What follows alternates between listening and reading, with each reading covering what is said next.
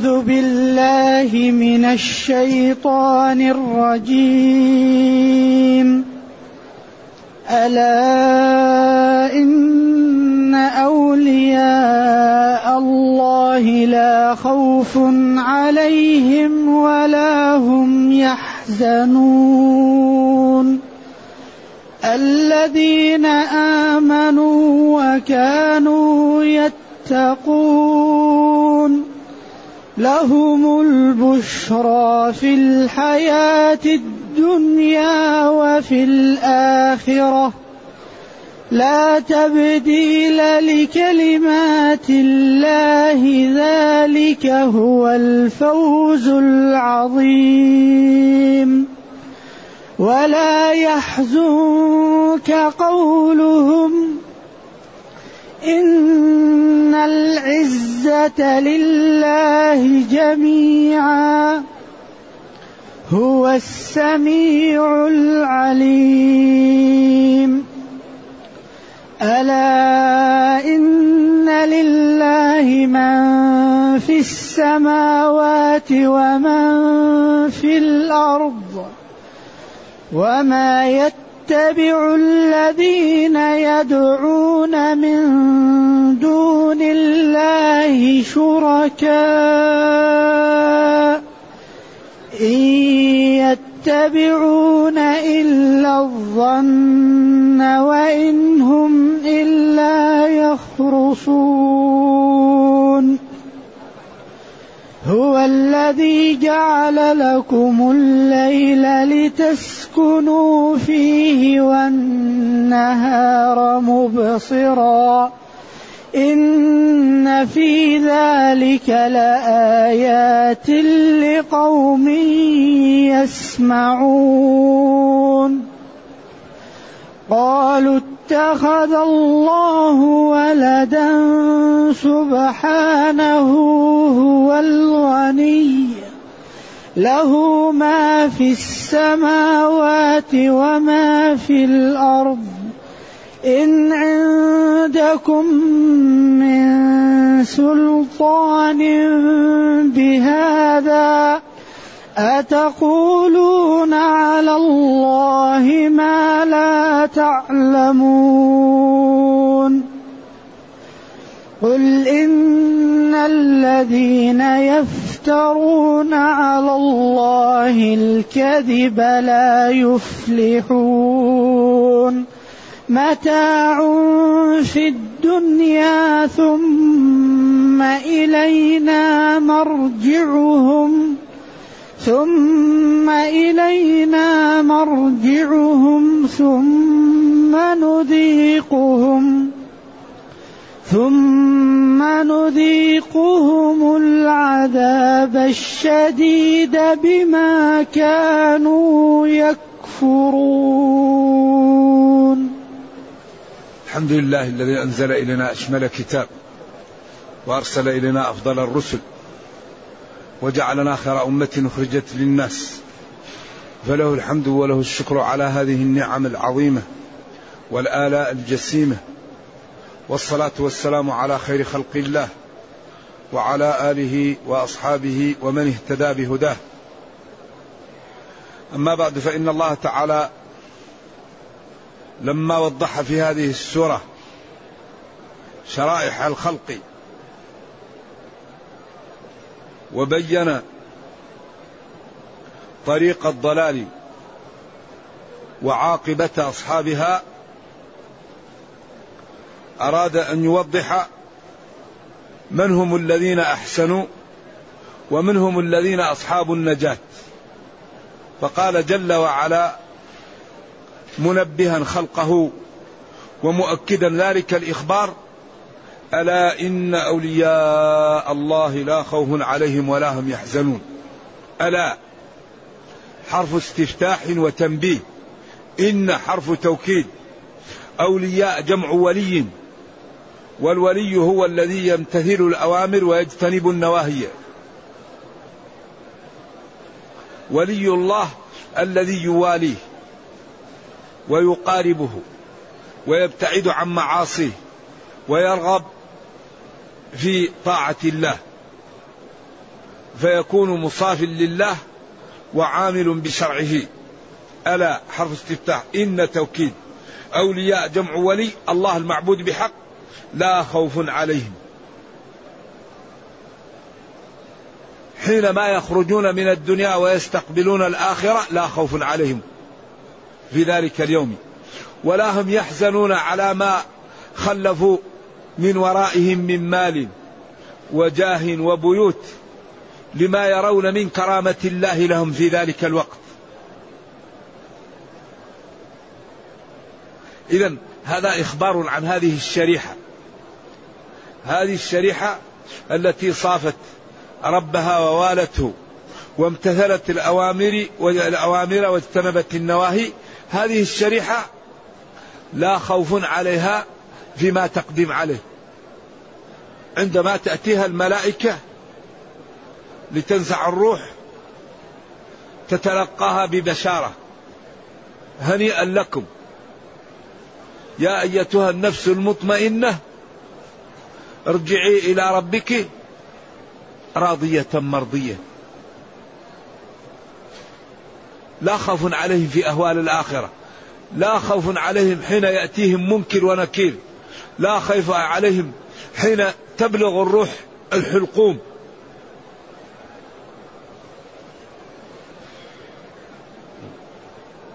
حين تلتف الساق بالساق. عند ذلك اليوم لا يخافون ولا هم يحزنون على خروجهم من بيتهم ومن أموالهم ومن أهليهم ومن احبت ومن أحبتهم لما يرون من النعيم ومن الكرامة ومن الجزاء الأوفاء. هؤلاء الذين لا يخافون على ما يقدمون عليه من الأهوال ولا يحزنون على ما يخرجون منه من الأموال والأهالي والبيوت. هؤلاء هم أولياء الله. ألا إن أولياء الله لا يخافون على ما يقدمون عليه ولا يحزنون على ما ذهبوا عنه. طيب. أولياء الله الذي هذه صفتهم الذي هذه حكمهم وحالتهم ما صفتهم؟ حتى نعلم هذه الصفة ونتصف بها ونستفيد منها ونكن من أصحابها. فقال جل وعلا الذين آمنوا وكانوا يتقون. إذا هذا هو الولي. ليس الولي الذي يكون ملهما. ليس الولي الذي يصحب الشياطين ويأتوه بالغيب. ليس الولي الذي يرسل الناس ويعلمون خبر الناس ويقول لهم حصل لكم حصل لكم ويقول هذا ولي. لا لا هذا دجال. هذا الدجاجلة إذا الذي يحاول أن يقنع الناس بأنه يعلم الغيب بالتحسس عن أخبارهم أو بالحدس أو بصحبة الشياطين هذا ليس ولي. هذا دجال. أو ملهم. قد يكون من الناس ملهم وليس تقيا. إذا الولي أخبر الله عنه أنه الذي آمن وكان يتقي الله. ألا إن ألا حرف إن توكيد. أولياء الله الذين يوالوه ويصافونه لا يخافون يوم القيامة. لأنهم يجدون الكرامة والمنزلة. ولا هم يحزنون على ما فتهم لأن ما يجدونه أعظم مما تركوا. طيب ما صفات هؤلاء؟ هؤلاء الذين آمنوا وكانوا يتقون. آمنوا تشمل 11 جملة.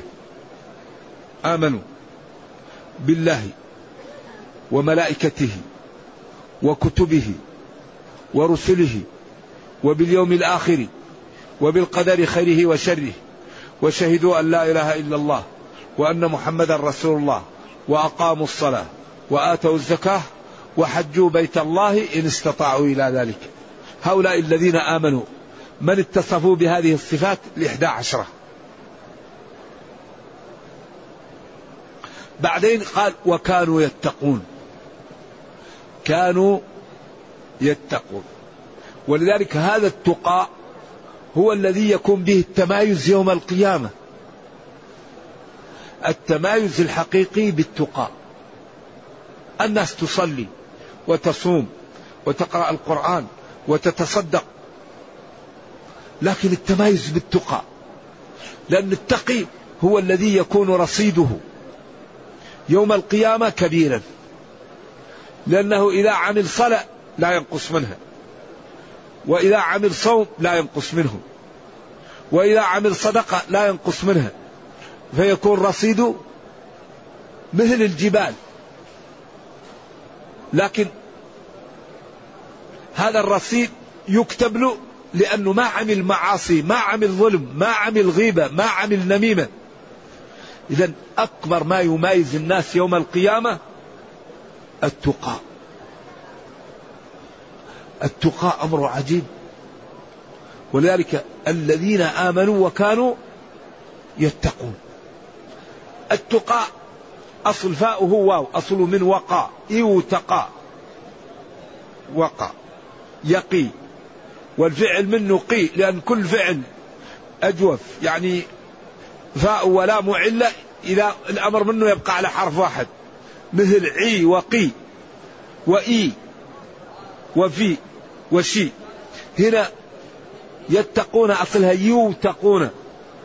والتقى صاحبه مثل الذي يمشي في محل المسامير والأشواك ولا حذاء عنده. ما الذي يفعل؟ يفعل هذا؟ لا يضع قدمه إلا حيث يقع وش بصره. هذا هو التقى. كما سئل عمر. سأله رجل ما التقى؟ قال له أمشيت في أرض مشوكة؟ أي كثيرة الشوك. قال نعم. قال ما لا تفعل؟ قال لا أضع قدمي إلا حيث يقع بصري. قال ذلك التقى. التقى أنك أي مسألة ما تعرف حكمها لا تفعلها. أي مسألة ترى أنها مشبوهة حرام تتركها. هذا هو التقى. وبعبارة أخرى الحلال بين والحرام بين. وبينهما أمور التقى تترك هذا البين. هذا هو التقى. والقرآن أحيانا يعبر عن التقى بالمعالم الحدود. أنك إذا كنت تقي لا تتعدى الحدود. قال تعالى تلك حدود الله فلا تعتدوها.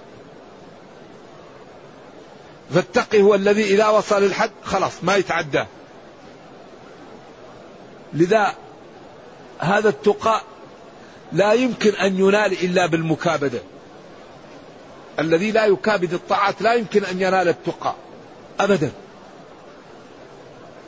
وهو منزلة تنال بلطف الله تعالى وبرحمته وبمزاولة الطاعات والبعد عن المعاصي لأن التقى يسقى بالأعمال كما تسقى الأشجار بالماء. كما أن التقى الذي ينميه ويعظمه ويجعله راسخا في قلب المسلم هو العمل. فإذا الإيمان في القلب سقيت بالأعمال جاء التقى. وإذا الإيمان في القلب عطشت ولم تعطيه التقى الذي هو المال الأعمال ضعف الإيمان فهان على المسلم فعل المعاصي ولم يمنعه إيمانه من ترك المعاصي ومن القدوم على ما لا يحل. فاسود القلب فقل الخوف والخشية فتكاسل عن العمل فأوبق نفسه وأهلكها. وأهم شيء في التقى أننا نستعمل موارد العلم لشكر الله تعالى. قال تعالى وجعل لكم السمع والأبصار والأفئدة لعلكم تشكرون. والله أخرجكم من بطون أمهاتكم لا تعلمون شيئا. وجعل لكم السمع والأبصار والأفئدة لعلكم تشكرون. تقرأ في المصحف تسمع القرآن. كيف ننقذ نفسي من النار؟ كيف ننقذ والدي؟ كيف ننقذ جيراني وأقربائي؟ كيف نترك لي يعني أمر يدر علي الخير بعد أن ننتقل من هذه الدار. والذي يتقي الله الله يحميه ويغنيه ويرزقه السعادة ويبارك له فيما عنده. الذي يتقي الله الله يغنيه. لأن الله هو القادر ويحميه من أي شر يأتيه ويبارك له فيما عنده. لذلك واتقوني يا أولي الألباب. واتقوني يا أولي الألباب لعلكم تفلحون. تقون أمر أمر للوجوب. يا أولي الألباب يا أصحاب العقول. لعلكم تأمنون من النار وتدخلون الجنة. لأن الفلاح أن يأمن الإنسان مما يخاف ويدرك ما يرغب فيه. هذا هو الفلاح. فمن زحزح عن النار وأدخل الجنة فقد فاز. هذا هو الفلاح. والله تعالى قادر وكريم ولا يضيع أجر من أحسن عملا. ويقول ولا ينصرن الله من ينصره؟ ويقول إن تنصروا الله ينصركم. إذا العبد يجتهد على أن يكون فيه التقى. التقى يسلم لك حسناتك. التقى يكثر لك رصيدك. لأنك إذا كنت تتقي أي صلاة تكتب لك لكن إذا كنت تأكل الغيبة صلي الصلاة نصها يأخذوه الدائنون. غبت هذا وتكلمت على هذا. يأخذوا نص الصلاة ويقاسموه بينهم. الصوم إذا كنت تتقي الله صومك كله لك. لكن إذا كنت تظلم الناس صومك يأخذوه إيش؟ الدائنون. إذا الذي يحب أن يكون رصيد يوم القيامة كبير يترك المعاصي. ولذلك ما تعدون المفلس فيكم. قالوا من لا مال له. قال لا. الذي يأتي يوم القيامة بمثل أحد حسنات. وضرب هذا وشتم هذا وأخذ مال هذا. فيش؟ بعدين تؤخذ حسناته وتقسم على الدائنين. فإذا انتهت حسناته وضعت سيئاتهم ووضعت عليه وطرح في النار. لذلك لما جاء الرجل للنبي صلى الله عليه وسلم وقال له أوصيني قال له أمسك عليك هذا. أمسك عليك هذا. قال وهل نحن مؤاخذون بما نقول؟ قال فكلتك أمك. وهل يكب الناس في النار على وجوههم أو على مناخرهم إلا إيش؟ حصائد ألسنتهم إن الرجل يتكلم بالكلمة لا يتبين فيها. أو لا يلقي لها بال يهوي بها في النار. سبعين خريفا. أبعد ما بين المشرقين. لذلك الذين آمنوا وكانوا يتقون. تقى التقى أمر عجيب. التقى صاحبه لا يقاوم. كن تقيا وربك يحميك وربك يغنيك وربك يسعدك. وربك يدمر أعداءك. كن تقيا وما أردته تجده. لأنه قادر وكريم ولا يضيع أجر من أحسن عملا ولا تخفى عليه خافية. إذا أهم شيء نزرع التقى في قلوبنا. أهم شيء نهتم بالتقى. التقى أن لا تنظر إلى الحرام. التقى أن لا تتكلم بالحرام. التقى أن لا تلمس يدك حرام. التقى أن لا تمشي برجلك حرام. التقى أن لا تضع في بطنك حرام. التقى أن لا ترسل فرجك على حرام.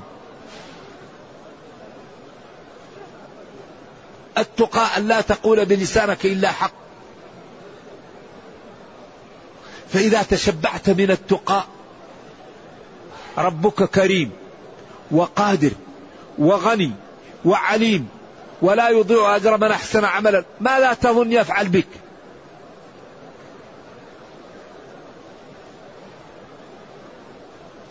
أقل ما يعمل لك ربك أنه يصلح لك دينك وأخراك يصلح لك دينك وآخرتك وأي شيء أعظم من أن تصلح للعبد دنياه وأخراه. إذا فلنزرع التقى في قلوبنا. فلنكابد حتى يمتلئ القلب من الطاعة.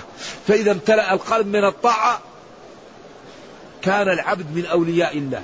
فلا يغضب إلا لله ولا يتحرك إلا لله ولا يرضى إلا لله ويكون أعماله كلها لله فما أراده أعطاه الله له.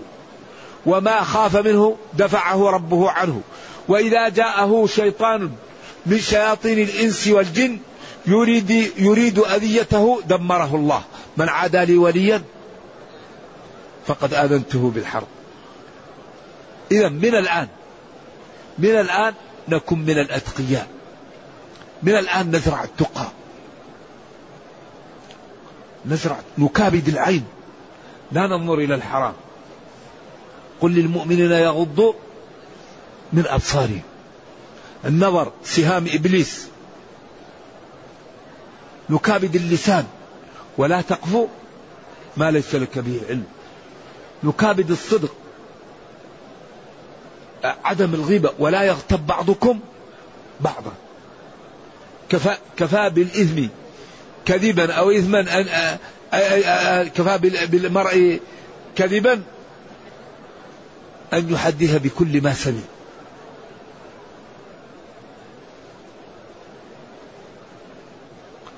ومن أعظم ما في التقاء أن العمر القليل إذا اتقى العبد ربه أصبح كأنه عاش ألف سنة. شوف لاحظوا معي كم عاش الإمام النووي. الإمام النووي أيوة خمسة وأربعين سنة. أيوة أو أربعين سنة. الإمام النووي.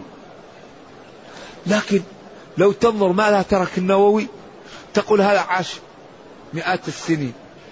لأن الله بارك له في عمره. كان يأخذ 12 درس في اليوم ويتعفف عن فاكهة دمشق. وكان يشتغل ومات شابا وترك للأمة مكتبة حافلة. كل بيت يترحم على الإمام النووي. هذا بارك الله له في عمره. وغيره من العلماء. المهم أن الذي يتقي الله يبارك له في عمره وفي ماله وفي ولده. وإذا تسلط عليك شخص الله دمره. وإذا تكلمت وفقت. وإذا نظرت وفقت. وإذا تحركت وفقت. وتكون حياتك كلها خير. وإذا مت تكون كالغائب قدم على أهله. يعني المتقي إذا مات كالمسافر قدم على أهله. اذا يقول جل وعلا حقا إن أولياء الله لا خوف عليهم فيما يقدمون عليه ولا هم يحزنون على ما خرجوا من الدنيا. من هم هؤلاء الذين آمنوا وكانوا يتقون؟ آمنوا كما ذكرنا 11 جملة وكانوا يتقون الله تعالى ب باتباع أوامره واجتناب نواهيه.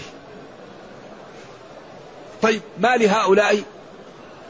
هؤلاء لهم البشرى لهم لا لغيرهم ممن يغتابون الناس ويكذبون على الناس ويظلمون الناس ويتأخرون عن الصلاة.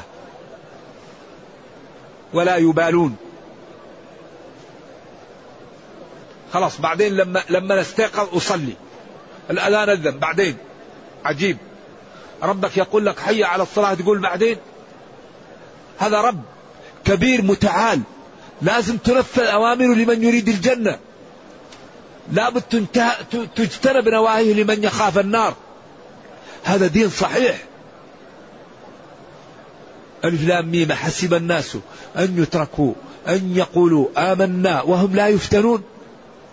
ولقد فتنا الذين من قبلهم فلا يعلمن الله الذين صدقوا ولا يعلمن الكاذبين. ليس بأمانيكم ولا أماني أهل الكتاب من يعمل سوءا يجزى به. وما خلقنا السماوات والأرض وما بينهما باطلا. ذلك ظن الذين كفروا. فويل للذين كفروا من النار. النجاة النجاة. فيقول تعالى هؤلاء الذين هذه صفتهم لهم ملكا لهم أو تعطى لهم. جعلت البشرى كأنها ملك لهم لهم البشرى.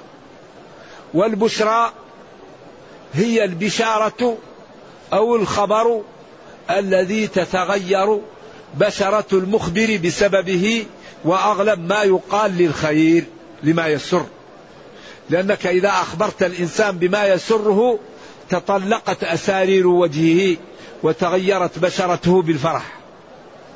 هؤلاء لهم البشرى لهم الإخبار بما يسرهم الإخبار بما يفرحون به. في الحياة الدنيا يعني في الدنيا قبل الممات وفي الآخرة. وفي الآخرة لهم ذلك أيضا لهم البشرى. قال العلماء اختلفوا في البشرى في الحياة الدنيا. فقالوا هي الرؤيا الصالحة ترى للرجل أو يراها لنفسه. من المبشرات. عربون عربان الخير. هذه عربان لك. قبل أن تدخل الجنة يبشر وترى عنه المراء الطيبة قيل البشرى ذكر الناس الطيب له. كل واحد فلان جزاه الله خير.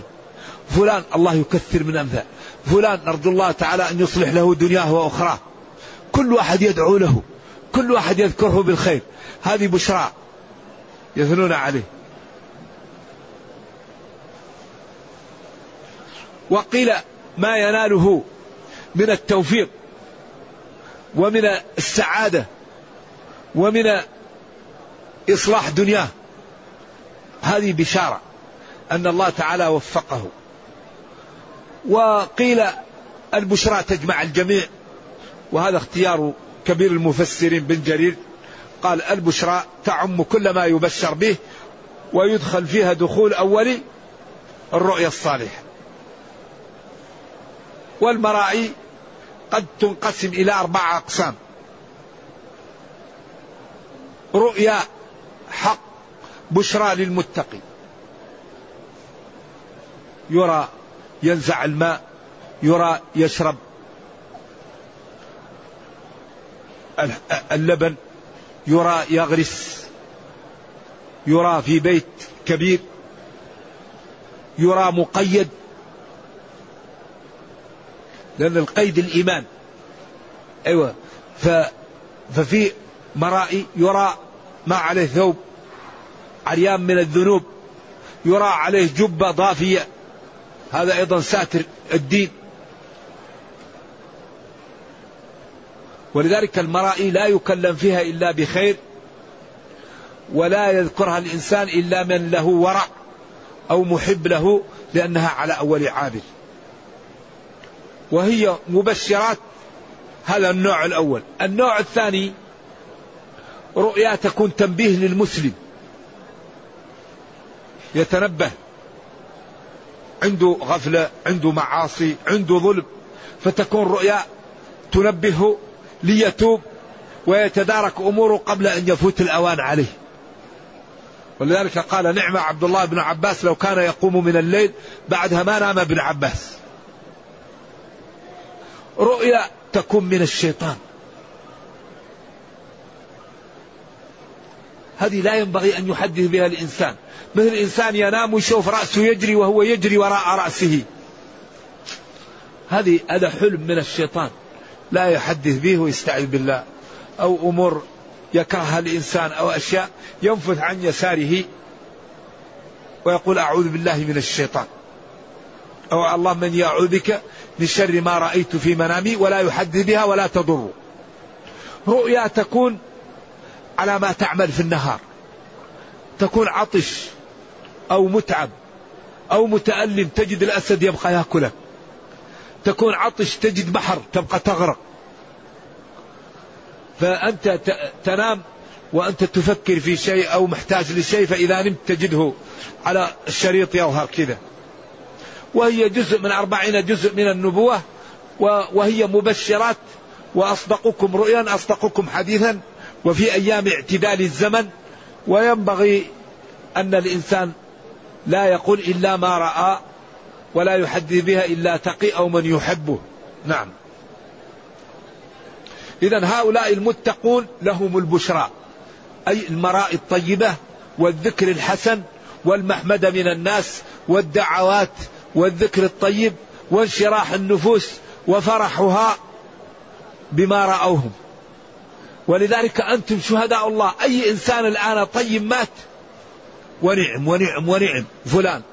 خلاص وجبت له الجنة. أي إنسان مات استغفر الله. نرجو الله السلام والعافية. اللهم لا تبتلانا. وجبت له النار. لذلك ينبغي للمسلم أن لا يعمل المعاصي أمام الناس. لأن المعاصي مشكلة عيب. فإذا عملها الإنسان أمام الناس يكون مجاهرا ويكون مستهترا ويكونون شهودا عليه. فهذا يسبب الإيباق. إذا ابتليتم إيش؟ فاستتروا. من أتى شيئا من هذه القاذورات؟ فليستتر. ما يقول الواحد لا هذه مراعاة يعمل المعاصي أمام الناس. لا كلكم معافى إلا المجاهرين. فلا بد للمسلم أن يبتعد عن المعاصي وعن الذنوب وعن إظهار ما ابتلي به لأن هذا مخيف جدا. إذا لهم البشرى في الحياة الدنيا وفي الآخرة بالمراء وبالإحسان وبالترحيب وبالدعاء وبالاحترام. وفي الآخرة حين تتلقاهم الملائكة وتتلقاهم أعمالهم ويتلقاهم الخير ويتلقاهم النعيم. ويقول الواحد الحمد لله أننا خرجنا من الدنيا. ولذلك المتقي إذا رأى عمله يقول يا رب أقيم الساعة. عشان إيش؟ عشان يروح البيت لي في الجنة. والمجرم يقول يا ربي لا تقيم الساعة. لأن الإنسان إذا مات تفتح له نافذة من قبره على عمله. ذلك نحن الإنسان عجيب. أقوى مخلوق وأخطر مخلوق الإنسان. إنا عرضنا الأمانة على السماوات. والأرض والجبال فأبين أن يحملنها وأشفقن منها وحملها الإنسان. إنسان غريب. خلق هلوعا إذا مسه الشر جزوعا وإذا مسه الخير منوعا. الإنسان غريب. ولذلك كرم وأعطي ما لم يعط لمخلوق. فهو أكرم مخلوق إذا استقام. إذا كان عبدا لله إذا امتثل أوامر الله إذا اجتنب نواهي الله. أما إذا تركه فهو أخص مخلوق. ثم رددناه أسفل السافلين إلا الذين آمنوا. والعصر إن الإنسان لفي خسر أي خسارة ودمار وضياع إلا الذين آمنوا. إذا لابد أن نكون مؤمنين. لابد أن نكون أتقياء. لابد أن نبذل حتى نزرع الإيمان في قلوبنا. نسقي الإيمان نتجنب الحرام الكذب الغش نكابد الطاعات. حتى ينمو الإيمان في قلوبنا فنكون من عباد الله الصالحين. إذا سألنا أعطي لنا وإذا دعونا استجيب لنا وإذا تكلمنا قبل منا ويبارك لنا فيما عندنا من المال والولد والعمر القليل لأننا كنا من عباد الله الصالحين وعباد الله يحميهم. ويهديهم وينصرهم ويوفقهم ويجعلهم في كل خير. بعدين قال لا تبديل لكلمات الله. لا تبديل لا تحريف لا تحويل لما لكلمات الله التي كتبها في اللوح المحفوظ. خلاص. فلان من أولياء الله. فلان من أولياء الله. فلان من أولياء الله. لا تبديل لذلك. خلاص. هذا الشخص يزرع الإيمان فيه بقو... آه، الله في... في... قلبه الإيمان ويكون لا يخاف إلا من المعاصي لا يرغب إلا في الطاعة. خلاص. هذا لا يمكن يبدل. بعض الناس عياذا بالله زرع كالشوك. لما زرعه ربه وأمر الملك أن ينفذ وينفخ فيه الروح ختم عليه الشقي. حسبنا الله ونعم الوكيل. اللهم لا تجعلنا من الأشقياء. خلاص لا تبديل لكلمات الله. خلاص شقي. ولذلك إذا نفخ فيه الروح ما لا يكتب أربعا.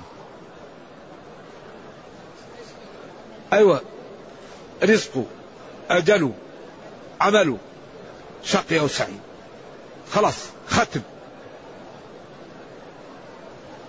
ولما استشكل الصحابة هذا وتزلزلوا لأن هذا مزلزل. ما أصاب من مصيبة في الأرض ولا في أنفسكم إلا في كتاب من قبل أن نبرأها. إن ذلك على الله يسير لكي لا تأسوا على ما فاتكم. ولا تفرحوا بما أتاكم طويت الصحف وجفت؟ الأقلام. قالوا ففيما العمل؟ ما دام كل شيء منتهي ففيما العمل؟ لما نعمل إذن؟ قال اعملوا اعملوا. اعملوا فكل اعملوا. ما لك في شغل المكتوب لا تدري عنه. اعمل وسل الله العافية. اعمل وسل الله تثبيت الإيمان. اعمل وغض بصرك عن الحرام. اعمل وكف لسانك عن الحرام. اعمل وكف سمعك عن الحرام. اعمل وكف قلبك عن الحرام. اعمل اعمل الخير واترك الشر. اعملوا. ولما قال الصحابي أعقلها أو توكل ماذا قال له؟ قال له اعقلها وتوكل. وكان من دعائه صلوات الله وسلامه عليه يا مقلب القلوب ثبت قلبي على دينك. يا مقلب القلوب ثبت قلبي على دينك. يا محول القلوب وثبت قلبي على دينك. لأن القلب بين أصبعين من أصابع الرحمن يقلبه كيف يشاء. فنحن لا ندري ما لا كتب في اللوح المحفوظ وما درنا وما دمنا لا ندري نعمل ونسأل الله العافية. ولذلك كل ميسر لما خلق له. الذي فأما من اتقى فهذا الله يعني يوفقه. وأما من طغى وآثر الحياة الدنيا فإن الجحيم هي المأوى. لذلك لا يعذب أحد إلا بعد قيام الحجة عليه. ما في أحد يدخل النار إلا بعد الرسل وبعد البيان وبعد الإفهام وبعد البراهين. وما كنا معذبين حتى نبعث رسولا. رسلا مبشرين ومنذرين لئلا يكون للناس على الله حجة بعد الرسل. قال تعالى كلما ألقي فيها فوج سألهم خزنتها. ألم يأتكم نذير؟ قالوا بلى قد جاءنا نذير فكذبنا. والله لا عذر بعد هذا البيان وبعد هذا الإيضاح فينبغي لكل مسلم أن ينجو بنفسه قبل أن يفوت الأوان. آه إذا إذا انتهى العمر ما فيه. يا ليتني يا ليتني اتخذت مع الرسول سبيلا. يا ويلتى ليتني لم أتخذ فلانا خليلا. لقد ضلني عن الذكر بعد إذ جاءني. وكان الشيطان للإنسان خذولا. إذا ما فيه يوم القيامة إلا جنة ونار. فريق في الجنة وفريق في السعير النجاة النجاة. البدار البدار. البدار. البدار الوضع فيه غاية الخطورة. والله كريم. والحسنة بعشر أمثالها. ولا يهلك على الله إلا هالك. لا تبديل لكلمات الله. ما كتب الله في اللوح المحفوظ يكون. ولذلك قال العلماء يمحو الله ما يشاء ويثبت. وعنده أم الكتاب. يقول للملائكة فلان إن وصل رحمه زيده عشرة سنين وإن لم يصل لا تزيدوه لكن في اللوح المحفوظ يفعل أو لا يفعل. الملائكة لا يدروا عن هذا يدروا عن الصحف إن فعل كذا فعلوا له وإن لم يفعل. لذلك قال يمحو الله ما يشاء ويثبت. وعنده أم الكتاب لكن في اللوح المحفوظ يفعل أو لا يفعل. لكن الملائكة يقول إذا فعل فعل. فلذلك قالوا أن العمر لا يزيد ولا ينقص وأن صلة الرحم وأعمال الخير أنها تجعل العمر القليل بركته كثيرة الأعمال فيه كثيرة فيكون كأنه عاش مئة سنة وهو عاش ستين سنة أو سبعين سنة أو ثمانين سنة أو خمسين سنة. لأن أعمال الخير يوفق لها فيعمل في المدة القليلة عمل كثير. فيكون يوفق لأعمال الخير لترك المعاصي فيبارك له في عمره. أما أجل الله إذا جاء لا يؤخر. قل لكم ميعاد يوم لا تستأخرون رزقه وأجله. ما يزيد ولا ينقص. ولكن من, من أطاع ربه يبارك له في العمر والمال وفي الأجل وفي كل هذه الأمور. نعم. ثم قال جل وعلا ذلك هو الفوز العظيم. ذلك لا غيره. وهو الإيمان. وش؟ والاتقاء. الإيمان والاتقاء هو الفوز العظيم. أن يؤمن العبد بربه ويتقي معاصيه وسخطه. ذلك لا غيره. الفوز النجاة الخبر العظيم الذي لا يشابهه شيء ولا مثيل له. ذلك هو الفوز العظيم. إذا لا بد أن نكون من الفائزين هذا الفوز العظيم. لا بد أن نزرع الإيمان. لا بد أن نتعلم التقى. لا بد أن نبذل الجهد لهذا. وهذا لا يكون إلا بماذا بالمجاهدة. لا يمكن الإنسان يعمل شيء إلا بالمجاهدة. والذين جاهدوا والذين جاهدوا. يجاهد السمع يجاهد البصر يجاهد الطاعة يجاهد الصلاة يجاهد الصوم يجاهد غض يعني إذا هذا هو الفوز العظيم. فلا بد أن نجتهد حتى نكون من أصحاب هذه الصفة. المتقين والذين آمنوا. بعدين قال ولا يحزنك قولهم. يحزنك ويحزنك. أحزنه وحزنه. كل سبعي وكل صحيح. ثلاثي ورباعي.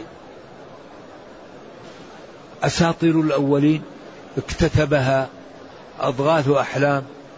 شاعر كاهن. لا لا يحزنك أقوالهم هذه. تكذيبهم عيبهم نقصهم ازدراؤهم. إذا لا يحزنك قولهم.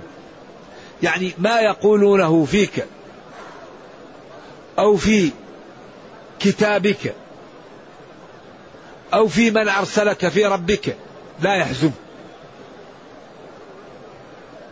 ولا تتألم له ولا يجعل في قلبك الألم.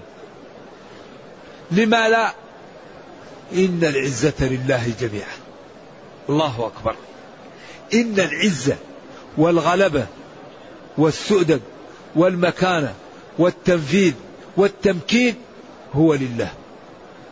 هو الذي يعطيه وهو الذي يمنعه وهو الذي يحيي وهو الذي يميت وهو الذي يغني وهو الذي يفقر وهو العاطي وهو المانع فغيره لا يعمل شيء. إذا قولهم أضغاث أحلام وأساطير الأولين اكتتبها فهي تملى عليه. إنك لمجنون. لولا نزل هذا القرآن على رجل من القريتين عظيم. قولهم لا يحزن ولا يهمك. ولا تتألم له ولا يتأثر قلبك لأجل ذلك. لماذا؟ إن توكيد العزة الغلبة والقوة والمنعة لله جميعا لا لأحد شيء منها إلا بإرادة الله وبإعطاء الله له ويكون ناقصا وضعيفا ولا شيء لقلته وضعفه وأنه أيضا من عند الله لا من عندهم. ولا يحزنك قولهم ولا يحزنك قولهم. انتهى الكلام. هذا موقف. إن العزة لله جميعا. هو السميع لأقوالكم العليم بنياتكم. هنا الوقوف لازم حتى لا لا يتوهم غير المعنى. ولا يحزنك قولهم. فلا يكون ولا يحزنك قولهم إن العزة هم لو قالوا إن العزة لله جميعا لكانوا لكانوا طيبين. ولكن قولهم هو في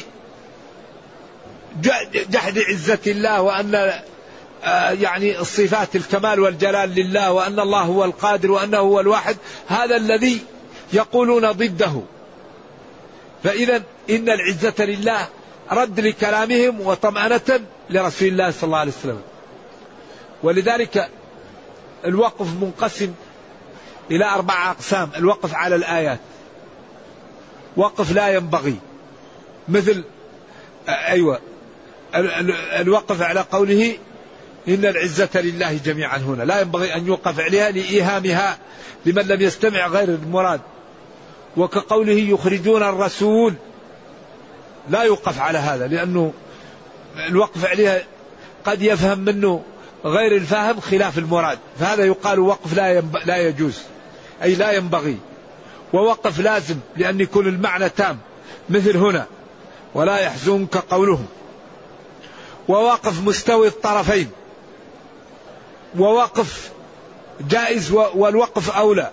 ووقف جائز والوصل أولى. كم نحين لازم. ولا ينبغي. ومستوي الطرفين. وفي جهة الوقف أولى وفي جهة الوصل أولى. خمسة. أه؟ رؤوس الآيات السلف يقفون عليها ولا شيء. لأنه كان يقف على رؤوس الآية. وأصحاب العد قالوا الآية إذا وقف عليها لا ينتقد. لكن إذا كان الكلام تام تمام وإذا لم يكن تام فالوقف على تمام الكلام والمعنى أولى ولو كان في رأس الآية لأن هذا مدعاة ليفهم الإنسان أكثر ولكن لا ينكر الوقف على رؤوس الآية. ولذلك يقول ابن الجزري في الطيبة وليس في القرآن من وقف وجب ولا حرام غير ما له سبب. لا ما في وقف واجب ولازم إلا إذا كان له سبب هو يريد أن يعمي فهذا قد يصل إلى إلى إلى الردة. مثل أن يقول يخرجون الرسول وبعدين يقول وإياكم أن تؤمنوا بالله ربكم. هذا خطير إياكم هنا غير المتأمل قد يفهم منها التحذير. وهذا لا يجوز. وهي معطوفة على يخرجون الرسول يخرجون الرسول وإياكم ويخرجونكم. أن تؤمنوا مفعول لأجله. يخرجون الرسول ويخرجونكم لأجل إيمانكم. فإذا وقفت على الرسول يكون وإياكم أن تؤمنوا. المعنى إيش؟ يكون على على غير موضعه. وفي كتب الحقيقة وهذا العلم مهم جدا. وبالأخص للإمام وليدرس الناس حتى تكون الوقوف في محل. السامع يفهم القرآن وتتضح عنده المقاطع والجمل وانتهاء الكلام. نعم إذا يقول تعالى ولا يحزن ولا يحزنك قولهم لما لا إن العزة لله القوة والغلبة لله جميعها لله هو السميع لأقوالكم العليم بنياتكم فأبشروا إن كنتم متقين متبعين لدين الله تعالى واحذروا. إن كنتم مخالفين معاصين لله تعالى لأنه سميع وعليم فالجملة صالحة للترغيب وللترهيب وهذا من إعجاز القرآن وكثرة معانيه. فالسميع العليم صفة لله فمن كان متقي يفرح ويجتهد في العمل ومن كان يعني مخالفا فليحذر ويبتعد. سبحانه وتعالى ما أعظمه. بعدين بدأ يدلل على هذا. أنه يكرم المتقين وأولياء الله ويفعل ما يريد. أراد أن يدلل على ذلك بمقطع فيه القدرة الهائلة لله تعالى مما يدل على أن ما أخبر به من الوعيد والوعد. قادر جل وعلا على تنفيذه وإيصاله إلى خلقه. وقد سبق أن قلنا إن هذا لا ينخرم في القرآن. فقال جل وعلا ألا إن لله من في السماوات ومن في الأرض. لله ملكا وخلقا وتصرفا من في السماوات ومن في الأرض. السماوات السبع. النجوم الشمس القمر الملائكة الأفلاك. ومن في الأرض؟ البحار الأنهار الأشجار الغابات. كل هذا ملك لمن؟ لله. طيب من هذه صفته أليس قادر أن يكرم المتقي؟ من هذه صفته أليس قادر أن يعاقب المذنب؟ إذا انتبهوا امتثلوا. إذا نفذوا الأوامر واجتنبوا النواهي فإن قدرتي وإرادتي وشمول علمي لا يخفى عليكم وأكبر دليل على ذلك ملكي للسماوات والأرض. سبحانه ما أعظمه.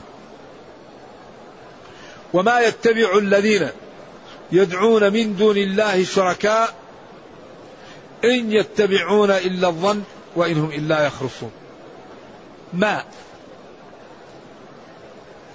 هنا نافية أو استفهامية. ما يتبع الذين من دون الله شركاء. هل الذي يتبعون الشركاء أو ما يتبعون الشركاء؟ هل ما نافية أو ناهية؟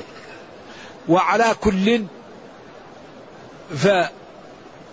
فالذين يتبعون الشركاء لا ينفعونهم ولا يضرونهم ولا يملكون لهم شيء فاتباعهم غير اتباع لأنه لا فائدة فيه ولا يأتي بنتيجة وإنما يأتي بالضرر.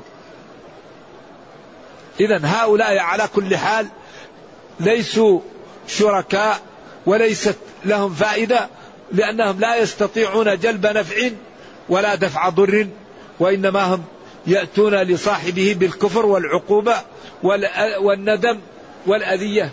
إن يتبعون إلا الظن. إن يتبعون ما يتبعون إلا الكذب. إن نافية. أيوة. وإنهم إلا يخرصون يكذبون.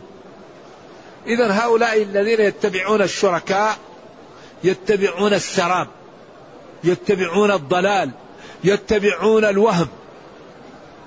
ولذلك يوم القيامة يبدأون في الندامة والتلاوم والتشاجر والتسابب والتشاتم وبعدين من يعقل منهم يقال لهم جميعا ومن رضي مأواكم النار. القول يقول الذين استضعفوا للذين استكبروا لولا أنتم لكنا مؤمنين. قال الذين استضعفوا للذين استكبروا أنحن صددناكم عن الهدى بعد إذ جاءكم بل كنتم مجرمون. وقال الذين استكبروا للذين استضعفوا وقال الذين استضعفوا بل مكر الليل والنهار إذ تأمرنا أن نكفر بالله. وأسروا الندامة لما رأوا العذاب وجعلنا الأغلال في أعناق الذين كفروا. هل يجزون إلا ما كانوا يعملون. النار مثواكم ولذلك في بعض المواقف يقول والله ربنا ما كنا مشركين. انظر كيف كذبوا على أنفسهم.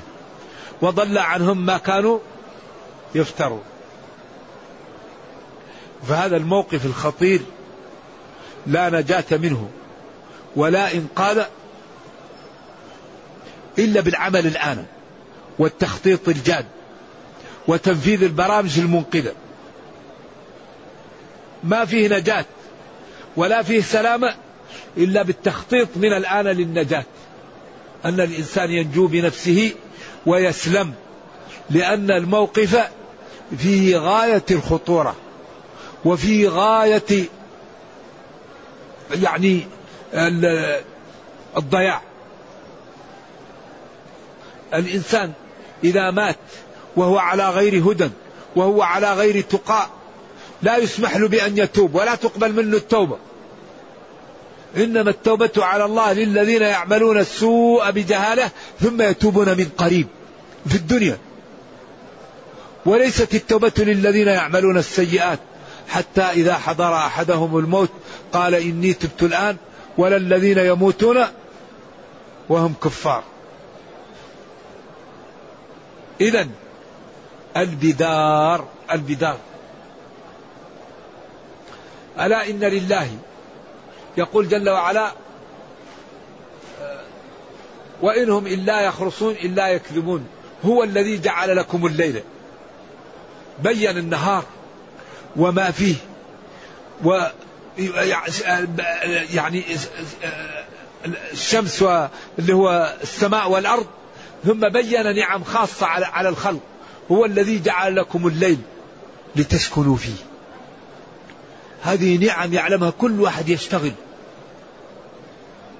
إنسان إذا كان عنده عمل شاق مدرس صاحب مزرعة صاحب متجر صاحب إدارة وبعدين ما يستطيع يغيب عن العمل لأنه رقم واحد في العمل والعمل مهم. فإذا لم يأتي الليل ما لا يحصل له. يجي الليل وتأتي الراحة. هو الذي جعل لكم الليل لتسكنوا فيه. هذا لا يعلمه إلا أصحاب الأعمال الشاقة. عنده عمل ما يقدر يغيب عنه. مسؤول. إذا غاب يعني تكون مسؤولية كبيرة. فيأتي الليل ويأتي الظلام فما يكون أشد فرحة. لأنه يذهب وينام ويستريح. وجعل لكم النهار مبصرة عندك أعمال إذا لم ترى النهار ما تقدر تشتغل فيها. يعني عجيب. ولذلك قال قل أرأيتم إن جعل الله عليكم الليل سرمدا إلى يوم القيامة. من إله غير الله يأتيكم بضياء. قل أرأيتم إن جعل الله عليكم الليل النهار سرمدا إلى يوم القيامة. من إله غير الله يأتيكم بليل. تسكنون فيه. ومن رحمته جعل لكم الليل والنهار. لتسكنوا في الليل إيش؟ وتبتغوا وتشتغلوا في النهار. لف ونشر مرتب. والنهار مبصرا أي تبصرون فيه لأن النهار ليس له أعين ولكن هذا توسع في العبارة. والنهار تبصر فيه الأمور وتتضح فيه الأمور وتتجلى. فتعمل الأمور الدقيقة على بصيرة ولا تغش في سلعة وتأمن ولا تخاف. إن في ذلك لآيات دلالات وبراهين وحجج واضحة لقوم يسمعون. لقوم يسمعون سماع تأمل واعتبار وفهم وانتفاع. ولكن الذي لا يستفيد لا يسمع. قال ولقد ذرأنا لجهنم كثيرا من الجن والإنس لهم قلوب لا يفقهون بها ولهم أعين لا يبصرون بها ولهم آذان. ثم قال أسمع بهم وأبصر يوم يأتوننا. لكن الظالمون اليوم في ضلال مبين. أعوذ بالله موارد العلم حجبت عن الانتفاع. لآيات لقوم يسمعون. ثم بين خطورة ما يقوله هؤلاء القوم وهذه الشريحة قالوا اتخذ الله ولدا. قالوا هؤلاء الشريحة الكافرة الفاجرة الخبيثة الدنيئة قالوا اتخذ الله ولدا. تكاد السماوات يتفطرن منه وتنشق الأرض وتخر الجبال هدا. ان دعوا للرحمن ولدا؟ وما ينبغي للرحمن أن يتخذ ولدا. إن كل من في السماوات والأرض إلا آتي الرحمن عبدا. لقد أحصاهم وعدهم عدا وكلهم آتيه يوم القيامة فردا. هذه الشريحة أوبقت نفسها وجعلت نفسها في الهلكة وفي الضياع. فيقول تعالى قالوا اتخذ الله ولدا سبحانه تنزيها له. هو الغني المطلق والذي له الولد يحتاج إما لمساعدة أو لبقاء أو لذكر أو لسمعة. والله الغني الغناء المطلق. أمره إذا أراد شيئا أن يقول له كن فيكون. وما أمرنا إلا واحدة. كل شيء يحتاج يقول كن فيكون. قال للنار كوني بردا. قال العلماء لو لم يقل سلاما تجمدت قال للذين اصطادوا يوم السبت كونوا قردة. فتغيرت أشكالهم. أشكالهم تغيرت. الكبار صاروا خنازير. أو قردة والشباب صاروا خنازير. قال لهم لا تصطادوا يوم السبت فوضعوا شباكهم. ولما صار يوم الأحد جاءوا وأخذوها. قال لهم كونوا قردة كونوا. فتغيرت الأشكال. وقال للصخرة اخرجي الناقة. فخرجت الناقة من الصخرة. من هذه صفاته يعصى؟ من هذه صفاته لا تمتثل أوامره؟ من هذه صفاته تنتهك نواهيه؟ ما أكثر جراءة الإنسان. له ما في السماوات وما في الأرض. كل ما في السماوات والأرض لله.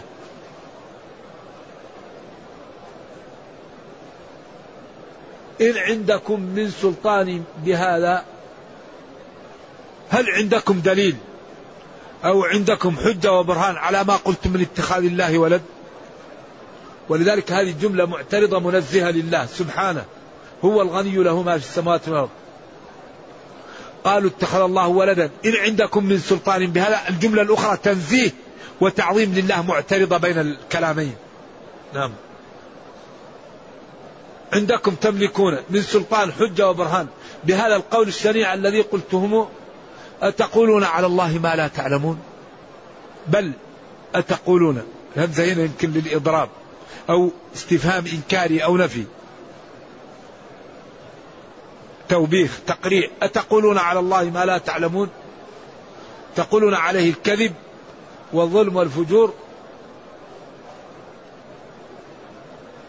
بعدين خوفهم وهددهم في أسلوب جميل موجز في غاية الحسن. قل يا نبيي إن الذين يفترون على الله الكذب يتقولون ويكذبون على الله الكذب ويقولون على الله الكذب لا يفلحون. لا يدخلون الجنة ويدخلون النار. إن الذين يفترون على الله الكذب لا يفلحون. لا يدخلون في الفلاح. والفلاح الفوز. وهو أن يأمن الإنسان مما يخاف ويدرك ما يرغب. الفلاح أن يأمن الإنسان مما يخاف ويدرك ما يرغب. إذا الذين يفترون على الله الكذب ويدعون له الأنداد والشركاء ويكذبون عليه لا يفلحون. بمعنى لا يدخلون الجنة ولا يأمنون من النار. لا طمع لهم في الجنة ويدخلون النار وهذه هي الخسارة الكبيرة والتي لا خسارة وراءها. كما قال جل وعلا قل إن الخاسرين الذين خسروا أنفسهم وأهليهم يوم القيامة. ألا ذلك هو الخسران المبين؟ لهم من فوقهم غلل من النار ومن تحتهم غلل ذلك يخوف الله به عباده. يا عبادي فاتقون. متاع قليل. لهم متاع أو أمرهم متاع في الدنيا. متاع. المتاع يقال لهذا منديل الكاس اللي يشرب بها. متاع تتمتع فيه وترميه. متاع الدنيا قليل. والآخرة خير لمن اتقى. ولا تظلمون فتيلا. ما يكون في داخل النواة. إذا لا عذر بعد هذا البيان. الواضح الذي لا لبس فيه. قل إن الذين يفترون على الله الكذب لا يفلحون لا يفوزون.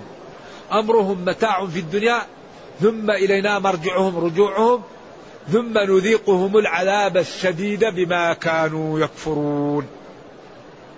ثم بعد أن يعودوا إلينا أو للتباعد بين المنزلتين نذيقهم نجرعهم العذاب الشديد الأليم الكبير بسبب عملهم أو بالسبب الذي كانوا يعملونه. ولذلك هذا القرآن قائم على هذا. شوف ألا إن أولياء الله لا خوف عليهم؟ لهم البشرى في الحياة الدنيا. ذلك هو الفوز العظيم. وهؤلاء الذين يفترون على الله الكذب ويفعلون ويفعلون هؤلاء الدنيا متاع قليل لهم ثم يجرعون ويذاقون ويسامون أشد العذاب بسبب كفرهم وضلالهم ومعاصيهم. والله تعالى لا يظلم الناس شيئا ولكن الناس أنفسهم يظلمون. نرجو الله جل وعلا أن يرينا الحق حقا ويرزقنا اتباعه وأن يرينا الباطل باطلا ويرزقنا اجتنابه وأن لا يجعل الأمر ملتبسا علينا فنضل. اللهم أصلح لنا ديننا الذي هو عصمة أمرنا وأصلح لنا دنيانا التي فيها معاشنا وأصلح لنا آخرتنا التي إليها معادنا. واجعل الحياة زيادة لنا في كل خير والموت راحة لنا من كل شر. اللهم لا تجعل لنا في مقامنا هذا ذنبا إلا غفرته ولا هما إلا فرجته ولا دينا إلا قضيته ولا مريضا إلا شفيته ولا ضالا إلا هديته ولا حاجة من حوائج الدنيا والآخرة. هي لك رضا ولنا فيها صلاح.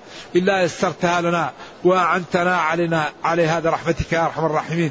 اللهم اغفر لنا ذنوبنا كلها دقها وجلها أولها وآخرها علانيتها وسرها.